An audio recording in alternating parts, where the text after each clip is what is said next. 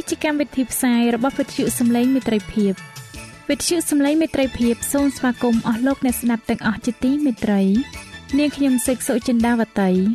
ហើយខ្ញុំបាទអង្គច័ន្ទវិជ្ជៈក៏សូមស្វាគមន៍លោកអ្នកស្ដាប់ទាំងអស់ផងដែរនៅពេលនេះយើងខ្ញុំមានសេចក្តីសោមនស្សរីករាយដែលបានវិលមកជួបអស់លោកអ្នកនាងកញ្ញាអ្នកស្ដាប់សាជាថ្មីម្ដងទៀត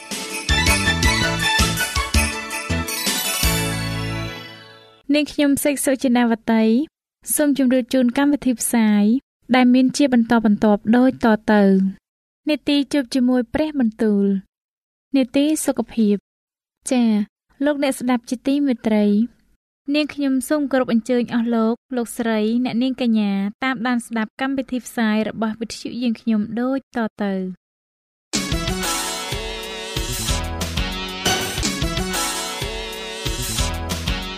នេតិ ជួបជាមួយព្រះបន្ទូល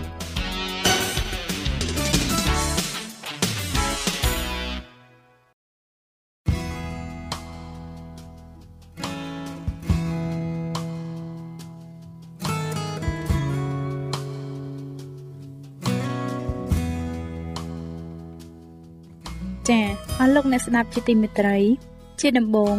នាងខ្ញុំសូមអញ្ជើញលោកអ្នកនាងស្ដាប់នេតិជួបជាមួយព្រះបន្ទូល នេតិនេះនឹងលើកយកព្រះបន្ទូលពីព្រះគម្ពីរទំនុកដង្កើងដែលនឹងជម្រាបជូនដល់លោកអង្ចាន់វិជ្ជៈដូចតទៅ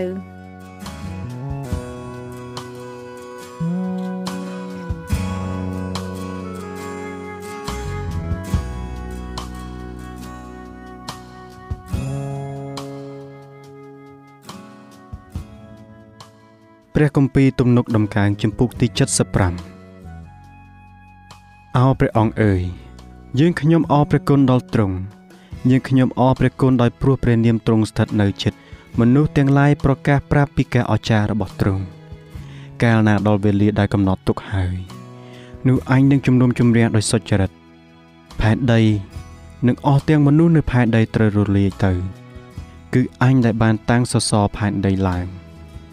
ទូបង្គំបាននិយាយទៅពួកអំនួតថាកុំឲ្យអួតខ្លួនឡើយ ហើយទៅមនុស្សអាក្រក់ថាកុំឲ្យដំកើងខ្លួនឲ្យសោះមិនត្រូវលើកខ្លួនឡើងឲ្យខ្ពស់ឬនិយាយដោយប្រហើនឡើយត្បិតឯការដំកើងឡើងនោះមិនមែនមកពីទិសខាងកើតឬខាងលិចក៏មិនមកពីទីរហោស្ថាននោះទេ គឺព្រះដែលជាចៅក្រមទ្រង់បន្ទាបម្នាក់ចោះហើយលើកម្នាក់ទៀតឡើង ពីព្រោះព្រះយេហូវ៉ាទ្រង់កាន់ពែងមួយនៅព្រះហស្ថដែលមានស្រាកំពុងតែពពុះឡើងពែងនោះ ពេញដោយស្រាលាយហើយទ្រង់ក៏ចាក់ចេញឯមនុស្សអាក្រក់ទាំងប៉ុន្មានដែលនៅផែនដី គេនឹងផឹកសំរែងកាកក្នុងពែងនោះជាមិនខាន តែទូបង្គំនឹងប្រកាសប្រាប់ការទាំងនេះជាដរាបទូបង្គំនឹងច្រៀងសរសើរថ្វាយព្រះនៃយ៉ាកុបទូបង្គំនឹងកាន់អំណាចទាំងប៉ុន្មាននៃមនុស្សអាក្រក់ចេញ តែអំណាចរបស់មនុស្សសុចរិតនឹងបានដំកើងឡើងវិញ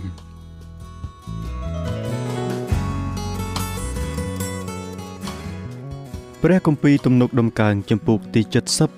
76នៅស្រុកយូដាគេស្គាល់ព្រះហើយ ព្រះនាមទ្រង់ក៏ធំ នៅក្នុងសាសអ៊ីស្រាអែលរងអបោសុតរបស់ទ្រង់នៅក្រុងសាឡឹមហើយទីលំនៅទ្រង់នៅភ្នំស៊ីយ៉ូននៅទីនោះទ្រង់បានបំបាក់ព្រួញធ្នូខែល និងដាវហើយអស់ទាំងគ្រឿងចម្បាំងបងទ្រង់រុងរឿងឧត្តមហើយមានលំអប្រសើរជាងភ្នំរំពាទាំងប៉ុន្មាន ពួកអ្នកដែលមានចិត្តក្លាហាន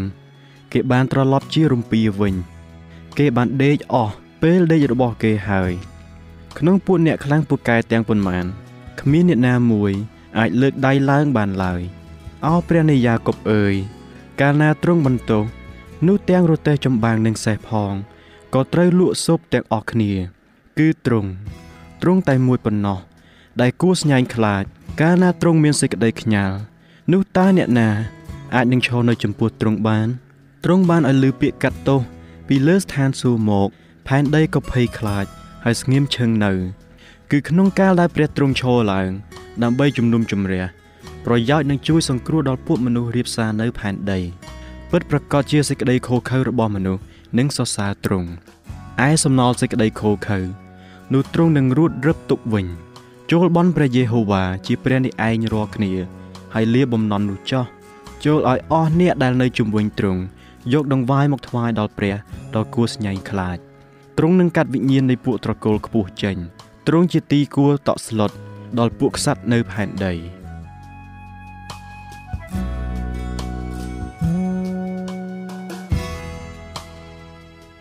ព្រះគម្ពីរទំនុកដំកើងចំពុកទី77ខ្ញុំបានលើសំឡេងអំពាវនាវដល់ព្រះ ខ្ញុំបានលើសំឡេងឡើងដល់ព្រះ ហើយទ្រង់ក៏ស្ដាប់ខ្ញុំ នៅថ្ងៃដែលខ្ញុំមានសេចក្តីវេទនានោះខ្ញុំបានស្វែងរកព្រះអង្គម្ចាស់នៅពេលយប់នោះខ្ញុំបានប្រទូលដៃឡើងឥតឈប់ឈរព្រលឹងខ្ញុំមិនព្រមខ្សានទុកទេ ខ្ញុំនឹកពីព្រះ នោះក៏មានចិត្តទុរនទុរា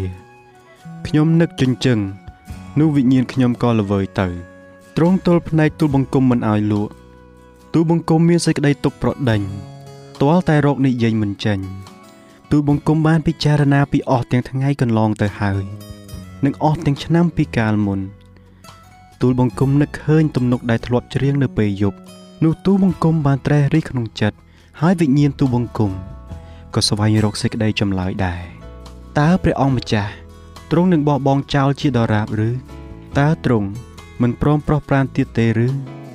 តើសេចក្តីសប្បុរសនៃទ្រង់អស់រលីងជាដរាបទៅឬ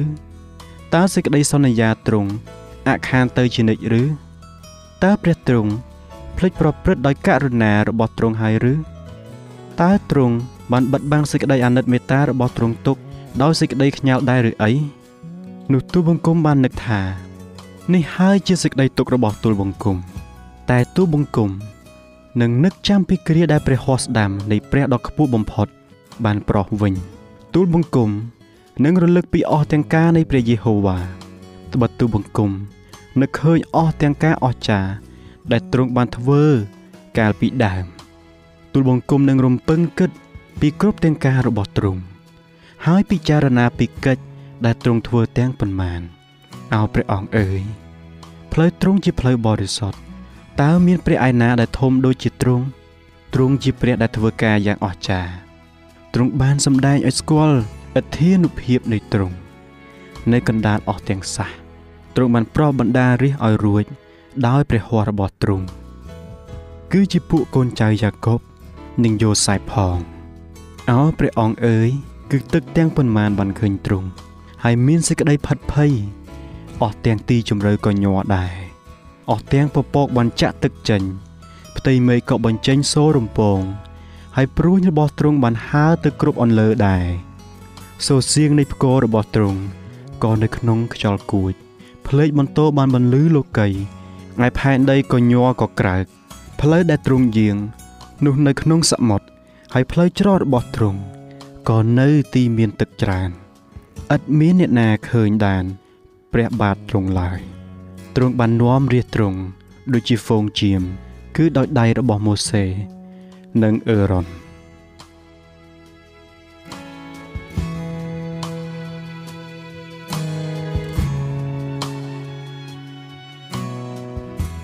ចា៎ប្រិយមិត្តអ្នកស្ដាប់ជាទីមេត្រី ដោយពេលវេលាមានកំណត់ យើងខ្ញុំសូមផ្អាកនេតិជប់ជាមួយព្រឹបបន្ទូលនេះត្រឹមតែប៉ុណ្ណេះសិនចុះដោយសន្យាថានឹងលើកយកនីតិនេះមកជម្រាបជូនជាបន្តទៀតនៅថ្ងៃស្អែកសូមអរគុណ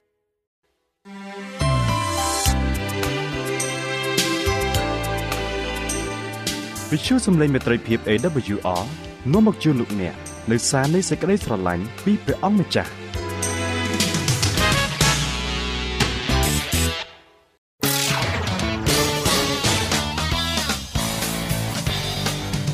សូមជូននីតិសុខភាព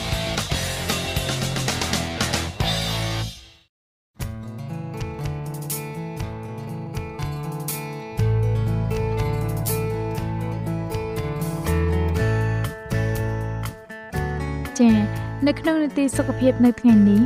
នាងខ្ញុំសូមគោរពអញ្ជើញអស់លោកអ្នកនាង តាមដានស្ដាប់មេរៀនសុខភាពដែលនឹងជម្រាបជូនដោយកញ្ញាឌីណាដូចតទៅ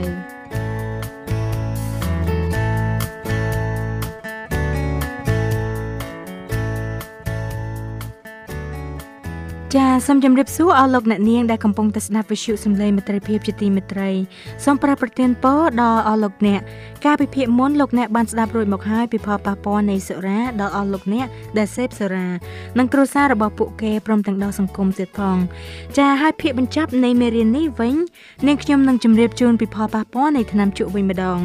ថាតើថ្នាំជក់មានផលប៉ះពាល់យ៉ាងណាដែរបើធៀបទៅនឹងគ្រឿងស្រវឹងនោះ ចាថ្នាំជក់គឺជាឃាតករមួយទៀតដែរជារៀងរាល់ថ្ងៃមនុស្សជាង1000លាននាក់បានជក់ឬបានចុកថ្នាំនិង15000នាក់ស្លាប់ជារៀងរាល់ថ្ងៃដោយសារជំងឺដែលតាក់ទងទៅនឹងថ្នាំជក់នេះពួកអ្នកស្លាប់ទាំងនោះភាគច្រើនអាចជៀសវាងបានប្រសិនបើគេមិនជក់បារីក៏នៅតែមានមនុស្សជាច្រើនត្រូវស្លាប់ដោយស្រូបផ្សែងបារីពីអ្នកជក់ដែរសរុបសេចក្តីមកប្រសិនបើអ្នកជក់បារីអ្នកនឹងមានគ្រោះថ្នាក់ដល់ខ្លួនហើយ ថ្នាំជក់ជាថ្នាំពុលដ៏សាហាវនិងអាចរកបានដោយសេរីនៅតាមទីផ្សារវាត្រូវបានគេជក់គេទំពាគេស្រូបទោះប្រើថ្នាំជក់តាមរយៈរូបភាពណាក៏ដោយគឺសុទ្ធតែមានគ្រោះថ្នាក់ជាខ្លាំងព្រមទាំងបង្កើនគ្រោះថ្នាក់ដោយជំងឺផ្សេងៗនិងបណ្ដាលឲ្យស្លាប់ផងដែរថ្នាំជក់សម្រាប់អ្នកជក់រហូតដល់ទៅពាក់កណ្ដាលថ្នាំជក់បណ្ដាលឲ្យមនុស្សស្លាប់ដល់ទៅ76លាននាក់ជារៀងរាល់ឆ្នាំក្នុងនោះមាន6សែននាក់គឺជាអ្នកមិនបានជក់ គឺគ្រាន់តែស្រូបផ្សែងពីគេប៉ុណ្ណោះ7-80%នៃអ្នកជក់បារី1000លាននាក់នៅក្នុងប្រទេសដែលមានប្រាក់ចំណូលទាបនិងមធ្យមការប្រើប្រាស់ផលិតផលថ្នាំជក់នៅតែបន្តកើនឡើងពីពេញពិភពលោកមនុស្សម្នាក់បានស្លាប់រៀងរាល់5វិនាទីដោយសារលទ្ធផលដែលតកតងនឹងថ្នាំជក់អ្នកដែលកំពុងប្រើប្រាស់ថ្នាំជក់រហូតដល់ពាក់កណ្ដាលនិងស្លាប់ដោយសារតែជំងឺដែលតកតងនឹងថ្នាំជក់ជាយថាហេតុ ថ្នាំជក់គឺជាឃាតករសម្រាប់មនុស្សបន្តិចម្ដងបន្តិចម្ដងដោយប្រើពេលវេលាយ៉ាងវែងអស់រយៈពេលជាច្រើនឆ្នាំនៅចន្លោះចាប់ពីការចាប់ផ្ដើមប្រើប្រាស់ថ្នាំជក់និងពេលដែលសុខភាពរបស់អ្នកប្រើកាន់ធ្លាក់ដុនដាបវាជាការគំរាមកំហែងដល់សុខភាពសាធារណៈដ៏ធ្ងន់ធ្ងរមួយដែលពិភពលោកមិនធ្លាប់បានជួបប្រទះមិនត្រឹមតែបានសម្រាប់អ្នកប្រើប្រាស់ប៉ុណ្ណោះទេប៉ុន្តែវាតែងតែប៉ះពាល់យ៉ាងខ្លាំងដល់សុខភាពឬថែមទាំងសម្រាប់អ្នកដែលស្រូបផ្សែងបារីដោយប្រយោជន៍ពីអ្នកដទៃថែមទៀតផង។ ផ្សែងបារីមានសារធាតុនិងជាតិគីមីជាង2000មុខក្នុងបណ្ដាសារធាតុទាំងនោះយ៉ាងហោចណាស់ក៏មាន250មុខដែរដែលគេដឹងថាមានគ្រោះថ្នាក់ជាង50មុខបណ្ដាឲ្យកើតជំងឺមហារីកចារីឯផ្សែងជាប្រយោលគឺជាផ្សែងដែលហោះហើរចូលក្នុងភោជនីយដ្ឋាន ក្នុងការិយាល័យផ្ទះនិងនៅកន្លែងព័ទ្ធជំវិញទៅដោយការដុតផលិតផលផ្សេងផ្សេងថ្នាំជក់រួមទាំងបារីបារីស៊ីហ្គាខ្សៀបារីមូដៃនិងបំពង់កញ្ឆាជាដើម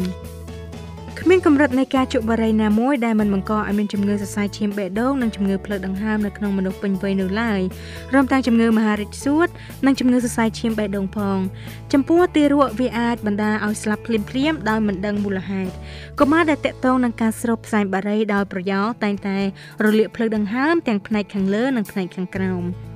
លើពីនេះទៅទៀតថ្នាំជក់ជាគ្រឿងញៀនអ្នកដែលប្រើវាបានយកខ្លួនគេប្រឈមនឹងគ្រោះថ្នាក់ ការប្រើប្រាស់ថ្នាំជក់នេះនិងគ្រឿងញៀនផ្សេងទៀតដូចជាកាឆា ហ្វេតាមីនកូកាអ៊ីននិងហេរ៉ូអ៊ីនជាដើមទាំងស្រានិងទាំងថ្នាំជក់សុទ្ធតែមានគ្រោះថ្នាក់ខ្លាំងណាស់ព្រោះតាមផ្សេងវិទ្យាសាស្ត្រនិងស្ថិតិសុខភាព សាធារណៈបានបង្ហាញថាគ្រឿងញៀនទាំងពីរមុខនេះជាឃាតករនាំមុខគេនៅលើពិភពលោកនាពេលបច្ចុប្បន្នវាជាជំរឿផ្ទាល់ខ្លួនរបស់លោកអ្នកថាតើត្រូវប្រើថ្នាំជក់ ស្រាឬក៏សារធាតុដែលគ្រោះថ្នាក់នឹងដែលបំផ្លាញសុខភាពផ្សេងទៀតឬថាមិនប្រើប៉ុន្តែជំរឿរបស់យើងនឹងមានផលវិបាកត្រឡប់មកវិញជាដាច់ខាតហេតុការទាំងនោះនិយាយប្រាប់ពីខ្លួនឯងយ៉ាងច្បាស់ព្រះបានបង្កើតយើងឡើងមកសម្រាប់គោលបំណងល្អប្រសើរជាងនេះ ជាជាងឲ្យយើងមកទទួលរងនៅជំងឺសាហាវសាហាវបែបនេះដែលកើតចេញពីលទ្ធផលនៃការសម្រេចចិត្តមិនត្រឹមត្រូវរបស់យើងនោះទេសូមចាំថាមិនទាន់ហួសពេលនឹងចាប់ផ្ដើមធ្វើការសម្រេចចិត្តទទួលយករបៀបរស់នៅវិជ្ជមាននោះឡើយហើយនៅពេលដែលយើងធ្វើការសម្រេចចិត្តបែបនេះនោះព្រះទ្រង់យើងមកភ្លាមដើម្បីបន្ថែមអំណាចដល់ការសម្រេចចិត្តរបស់យើងអ្វីដែលយើងមិនអាចសម្រេចបានដោយខ្លួនឯងផ្ទាល់យើងអាចធ្វើបានដោយសារកម្លាំងរបស់ទ្រង់ អស់លោកអ្នកជាទីមេត្រីកាលពីឆ្នាំ1971ប្រធានាធិបតី Richard Nixon បានថ្លែងថាសត្រូវលេខ1ជាសាធារណៈរបស់សហរដ្ឋអាមេរិកគឺជាការប្រើគ្រឿងញៀនដើម្បីប្រយុទ្ធនឹងកម្ចាត់សត្រូវនេះយើងចាំបាច់ត្រូវចាប់ផ្ដើមទប់ទល់នឹងការប្រើប្រាស់គ្រឿងញៀនប្រសិនបើវាគឺជាការប៉ັດនៅពេលនោះវារឹតតែប៉ັດខ្លាំងណាស់ទៅទៀតនៅពេលសប្តាហ៍ថ្ងៃនេះហើយការប៉ັດនេះត្រូវបានអនុវត្តនៅប្រទេសដទៃទៀតដែរដោយសារតែលក្ខណៈខុសច្បាប់របស់វាយើងមិនអាចមានស្ថិតិ ច្បាស់លាស់អំពីទំហំនៃឧស្សាហកម្មគ្រឿងញៀនខុសច្បាប់បានទេនៅឆ្នាំ2010ការិយាល័យអង្គការសហប្រជាជាតិខាងគ្រឿងញៀននិងអំពីអក្រិតកម្មបានគណនាថាមនុស្សចន្លោះពី153ទៅ300លាននាក់ដែលមានអាយុពី15ទៅ64ឆ្នាំ បានជក់ថ្នាំមុនឆ្នាំ2010ហើយដែលមានអត្រាជាតិញៀនកម្រិតខ្ពស់កាឆាព្រមជាមួយនឹងថ្នាំលើកកម្លាំងប្រភេទអាំហ្វេតាមីនជាទូទៅអ្នកប្រើប្រាស់ខុសច្បាប់ជាបរិសុទ្ធមានច្រើនជាងស្ត្រីដែលតែងតែបែរមកពីប្រើថ្នាំរងាប់ចិត្តនិងថ្នាំសណ្ដំថែមទៀតគេបានប៉ាន់ប្រមាណថាមានអ្នកប្រើប្រាស់គ្រឿងញៀនតែ20%ប៉ុណ្ណោះដែលបានទទួលការព្យាបាលឲ្យបានរួចពីការញៀនរបស់គេ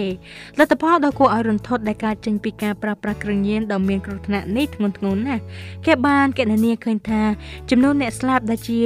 ផលវិបាកនៃការប្រើប្រាស់នេះមានចន្លោះពី99000នាក់ទៅ250,000នាក់នៅក្នុងប្រទេសមួយចំនួន តួលេខនៃឃាតកម្មតកតងនឹងគ្រឿងញៀនបានកើនឡើងយ៉ាងខ្ពស់មានប្រមាណ90%នៃអ្នកស្លាប់មានការពាក់ព័ន្ធជាមួយនឹងគ្រឿងញៀនខណៈដែលរឿងនេះកំពុងក្លាយជាករណីធ្ងន់ធ្ងររបាយការណ៍នេះនៅតែបន្តប្រាប់យើងជាច្រើនទៀតអំពីផលអាក្រក់ដ៏សាហាវនៃថ្នាំញៀនខុសច្បាប់នេះផលប៉ះពាល់នៃការប្រើប្រាស់ថ្នាំញៀនទៅលើសុខភាពរបស់មនុស្សធ្ងន់ធ្ងររកថ្លៃមិនបានយោងតាមការត្រួតពិនិត្យផ្នែកវិទ្យាសាស្ត្រ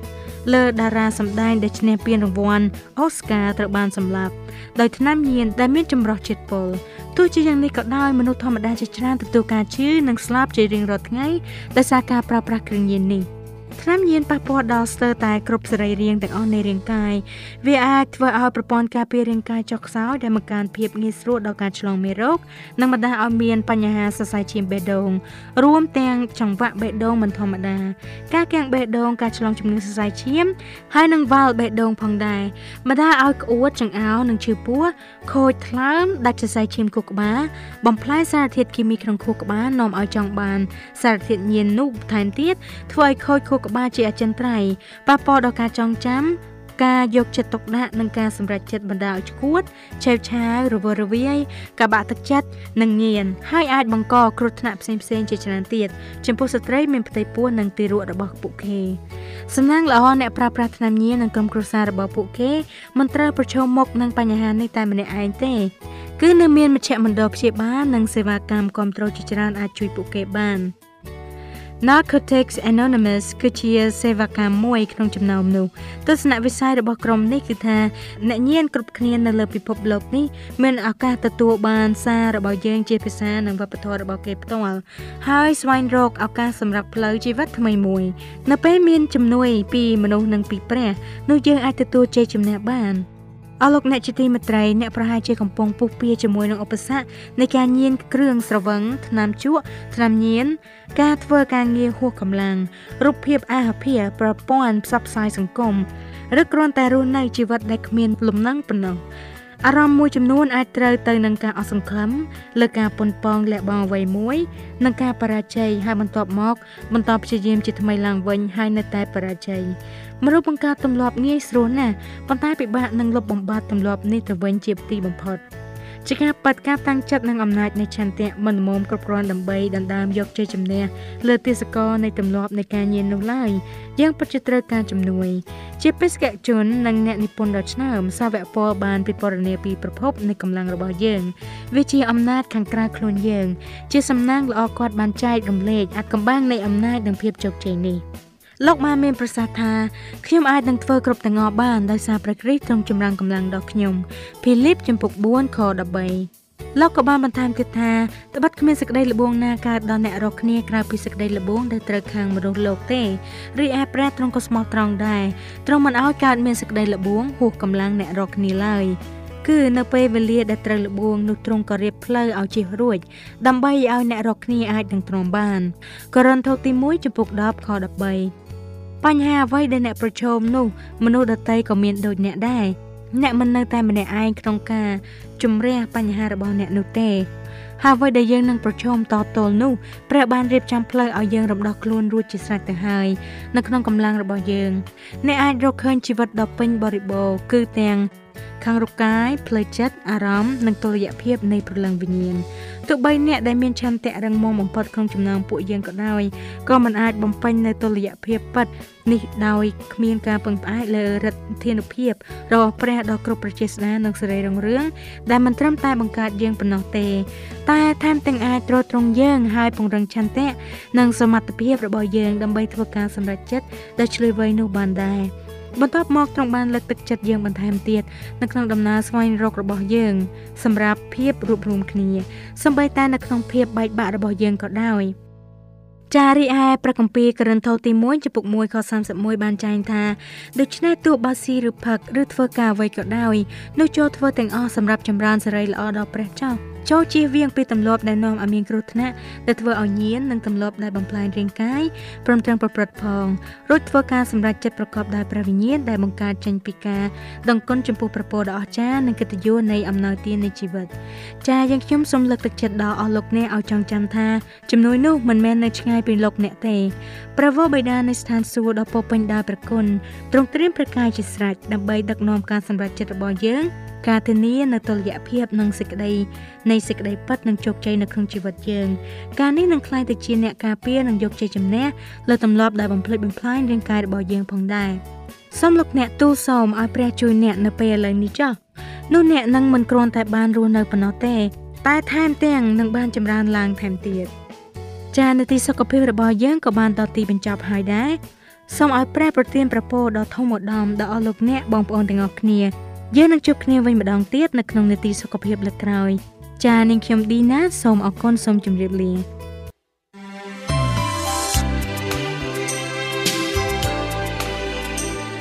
វិទ្យុសំឡេងមេត្រីភាព AWR មានផ្សាយពីរដងក្នុងមួយថ្ងៃគឺព្រឹកនៅម៉ោង6និងពេលយប់នៅម៉ោង8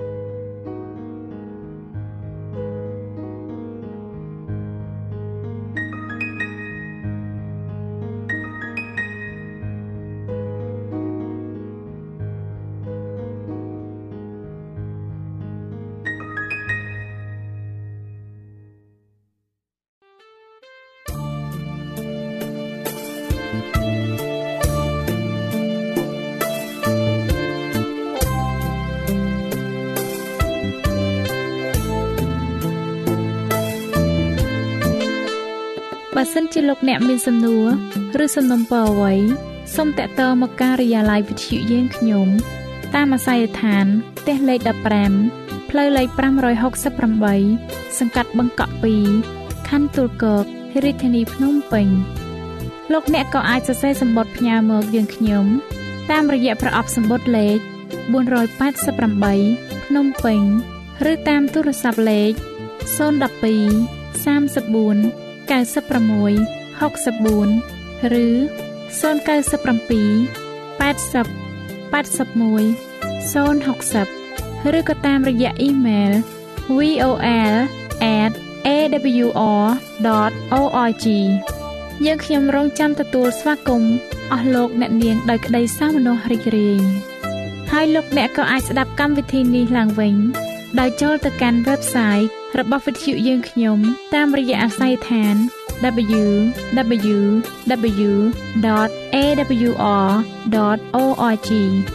លោកអ្នកនាងកញ្ញាជាទីមេត្រី កម្មវិធីផ្សាយរបស់វិទ្យុសំឡេងមេត្រីភាពនៅពេលនេះសូមបញ្ចប់តែប៉ុណ្ណេះយើងខ្ញុំសូមអរគុណចំពោះការតាមដានស្ដាប់របស់អស់លោកអ្នកតាំងពីដើមរហូតដល់ចប់យើងខ្ញុំសូមជូនពរឲ្យអស់លោកអ្នកនាងកញ្ញាទាំងអស់បានចម្រើនឡើងក្នុងព្រះគុណព្រះអង្គម្ចាស់ ហើយក្នុងការទទួលយកព្រះយេស៊ូវគ្រីស្ទជាព្រះអង្គម្ចាស់និងជាព្រះអង្គសង្គ្រោះនៃយើងរាល់គ្នានាទីផ្សាយរបស់វិទ្យុយើងខ្ញុំនឹងវិលមកជួបអស់លោកអ្នកសាជាថ្មីម្ដងទៀតនៅថ្ងៃស្អែកវេលាម៉ោងដដែលនាងខ្ញុំសេកសុចិន្តាវតីនិងខ្ញុំបាទអ៊ំច័ន្ទវិជ្ជៈសូមអរគុណសូមជម្រាបលា